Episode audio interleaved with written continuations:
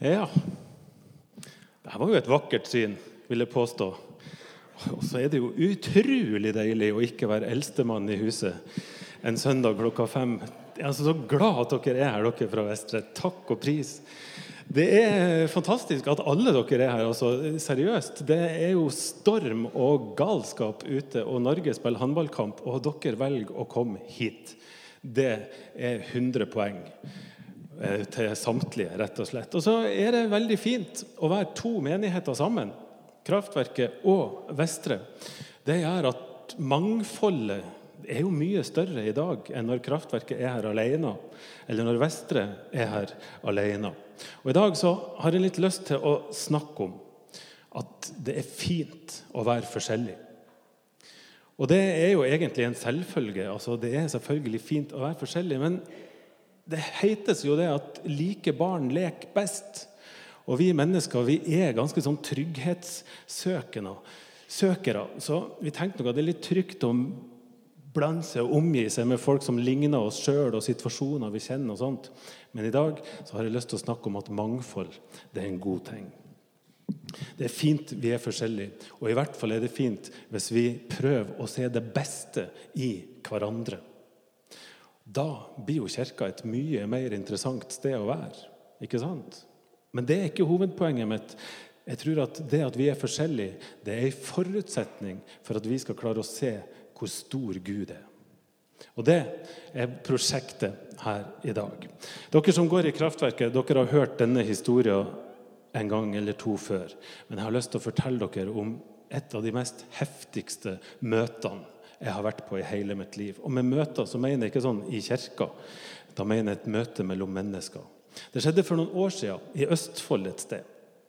Og I et lite rom nei, det var et ganske stort rom faktisk, da var det en del folk.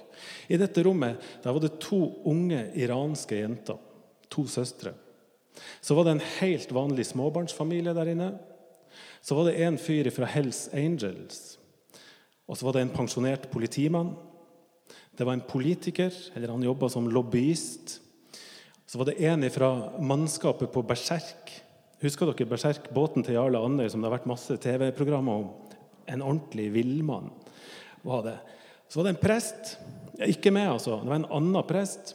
Og så var det to gamle, pertentlige damer. To av Norges rikeste mennesker. Og så var det en advokat i dette rommet. Og så var det en filmskaper. Og det var kona mi. Hun laga film om denne gjengen her. Og pga. det da, så fikk jeg lov til å være flue på veggen når de møttes for aller første gang. Og det har jeg lyst til å fortelle dere om. Men greia må dere kjenne først. Greia var at disse to iranske jentene de har vokst opp i Norge. Og to måneder før de skulle få permanent opphold, så ble de lurt av faren sin til å reise på ferie til Iran. Han var redd for at de skulle bli for norsk, så han lurte de på ferie, og der sperra han dem inne i fire år. De kom seg ikke av gårde noe sted. Og Når du er ute av landet i fire år, så mister du retten på opphold i Norge. Og Nå hindra ikke bare faren dem å komme ut av Iran, men også Norge hindra de å komme inn. Altså, De hadde ikke mulighet til å komme tilbake. Og denne Advokaten som var i rommet, hun ble så opprørt når hun hørte denne historien, at hun skrev et leserinnlegg i Aftenposten der hun fortalte at hun godtar ikke at disse søstrene skal stenges inne i Iran og holdes ute av Norge. De har ikke gjort noe gærent, sier hun. Men de er jo offer i en forferdelig vanskelig situasjon. Og så spør hun i Aftenposten er det flere enn meg som er villig til å gjøre hva som helst for å få disse to jentene tilbake til Norge. For det er her de hører hjemme, skriver hun. Her har de familie, her har de venner, her har de nettverk, her har de utdanning og jobb som venter på dem. Er det noen der ute som er villig til å hjelpe? Advokaten hadde altså prøvd i to år å få jentene til å komme inn i Norge på lovlig vis, og det lyktes ikke. Og nå hadde hun bestemt seg for at de skal smugles fra Iran til Norge. Og det var da de dukka opp, alle disse folkene. Alle ønska å hjelpe til med smuglinga. De hadde lyst til å gjøre noe godt og noe viktig mot noen andre.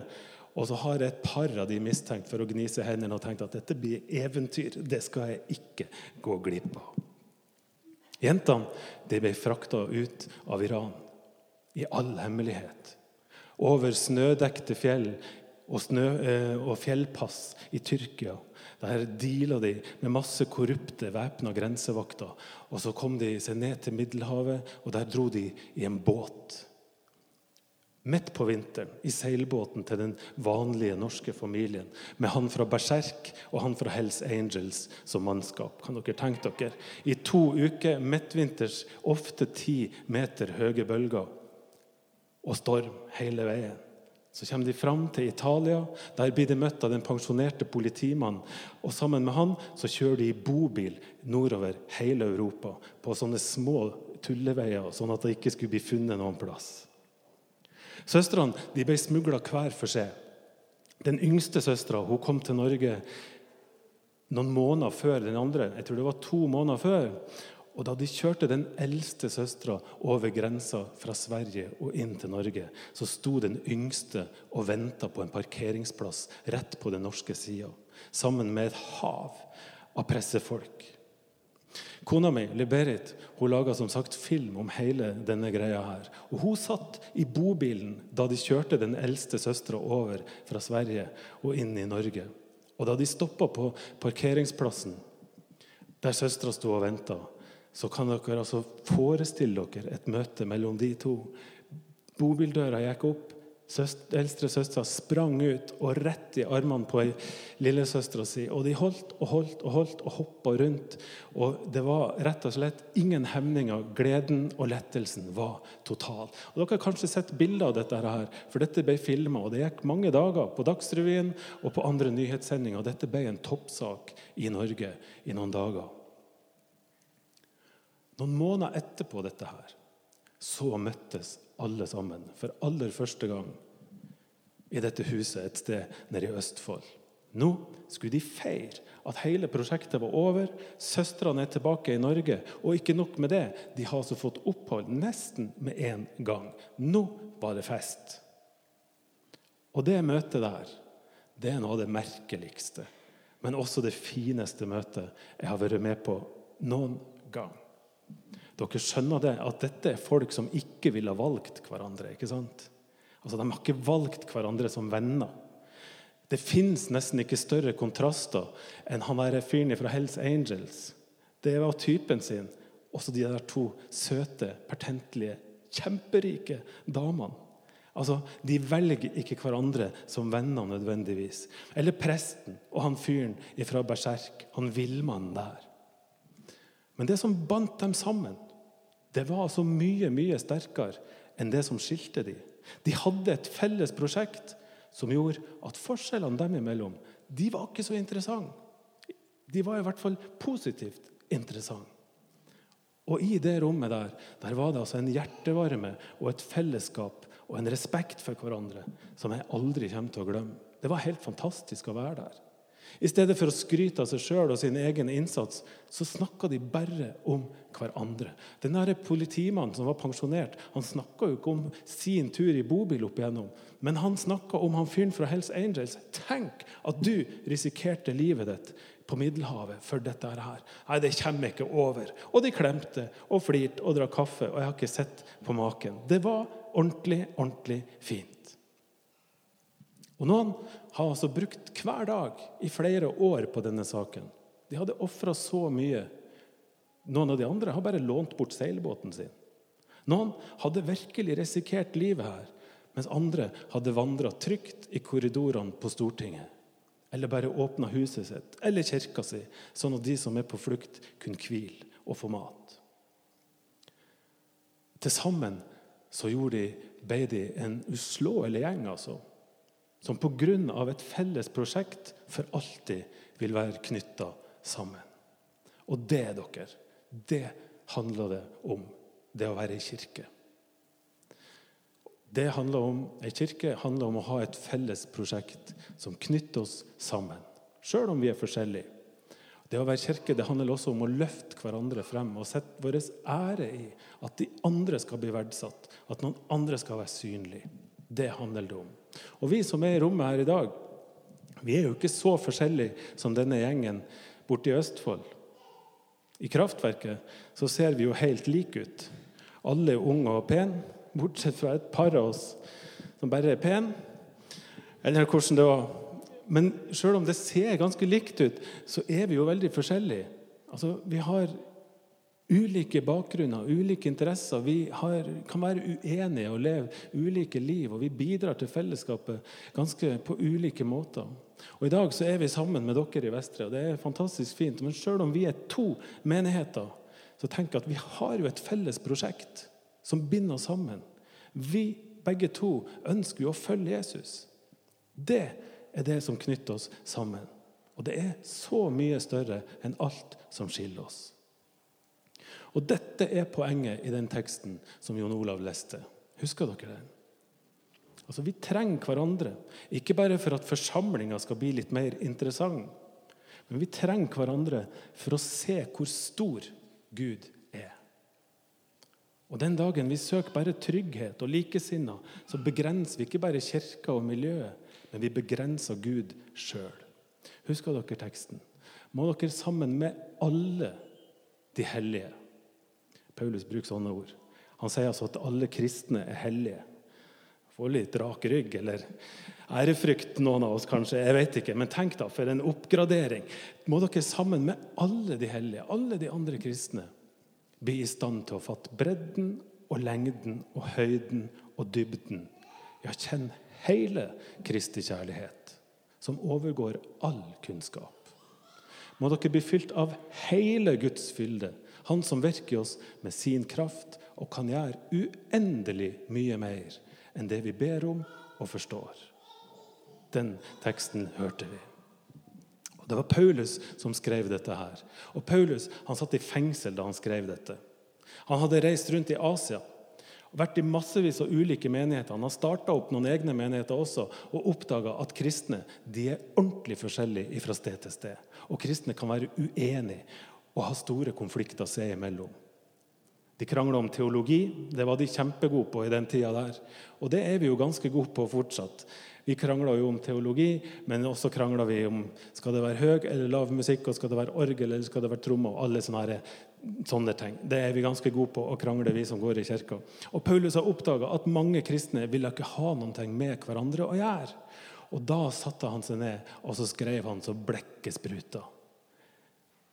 Ikke bare rom Guds kjærlighet oss alle, sjøl om vi er forskjellige, skriver han. Men vi trenger hverandre for å se hvor stor Gud er. Det er hele poenget til Paulus. Og tenk dere om, Det er bra stor forskjell på ei pinsemenighet i slummen av Rio og Peterskirka i Roma. For en kontrast mellom de to. Det er lang vei fra et møte på bedehuset på Ålgård eller et eller annet sånt, og til ei ortodoks messe i St. Petersburg fundamentalt forskjellig. Det er så mye som skiller teologien til en fundamentalistisk forkynner i Florida og en liberal professor i Tyskland. Og så blir spørsmålet hvem er det som har skjønt det av alle disse? Hvem er det som driver kirke på rett måte? Hvem er det som har den rette teologien? Hvem er det som virkelig har grepet tak i det? Det er selvfølgelig Frikirka. Hvis noen lurte. Nei, Vi tilhører jo Frikirka, både Kraftverket og Vestre. Og ja vi bare går videre, tror jeg. Det er ikke Frikirka som har skjønt det. Er det Vestre? Er det Philadelphia som har skjønt det? De er jo så himla svære. Det må jo gjøre et eller annet riktig. Kanskje det er de som har liksom grepet tak i hele sannheten. Altså, Poenget til Paulus det er altså at Gud gir ingen privattimer. Det er jo i det store fellesskapet det skjer. Guds kjærlighet er så ufattelig stor og så uendelig at ingen av oss enkeltmennesker kan forstå det. Det er heller ingen menigheter som kan forstå det. Ikke Kraftverket og ikke Vestre. Men det er sammen med alle de andre kristne. Sammen med baptister, katolikker, metodister og ortodokse, koptere og adventister. Sammen med amerikanere, til og med russere og pinsevenner kun sammen med alle disse og enda flere kan vi bli i stand til å fatte bredden og lengden og høyden og dybden av Guds kjærlighet. For Guds kjærlighet rommer alt dette her. Er det ikke en fantastisk stor Gud vi er kommet sammen for å tjene og for å være sammen med og for å bli omslutta av?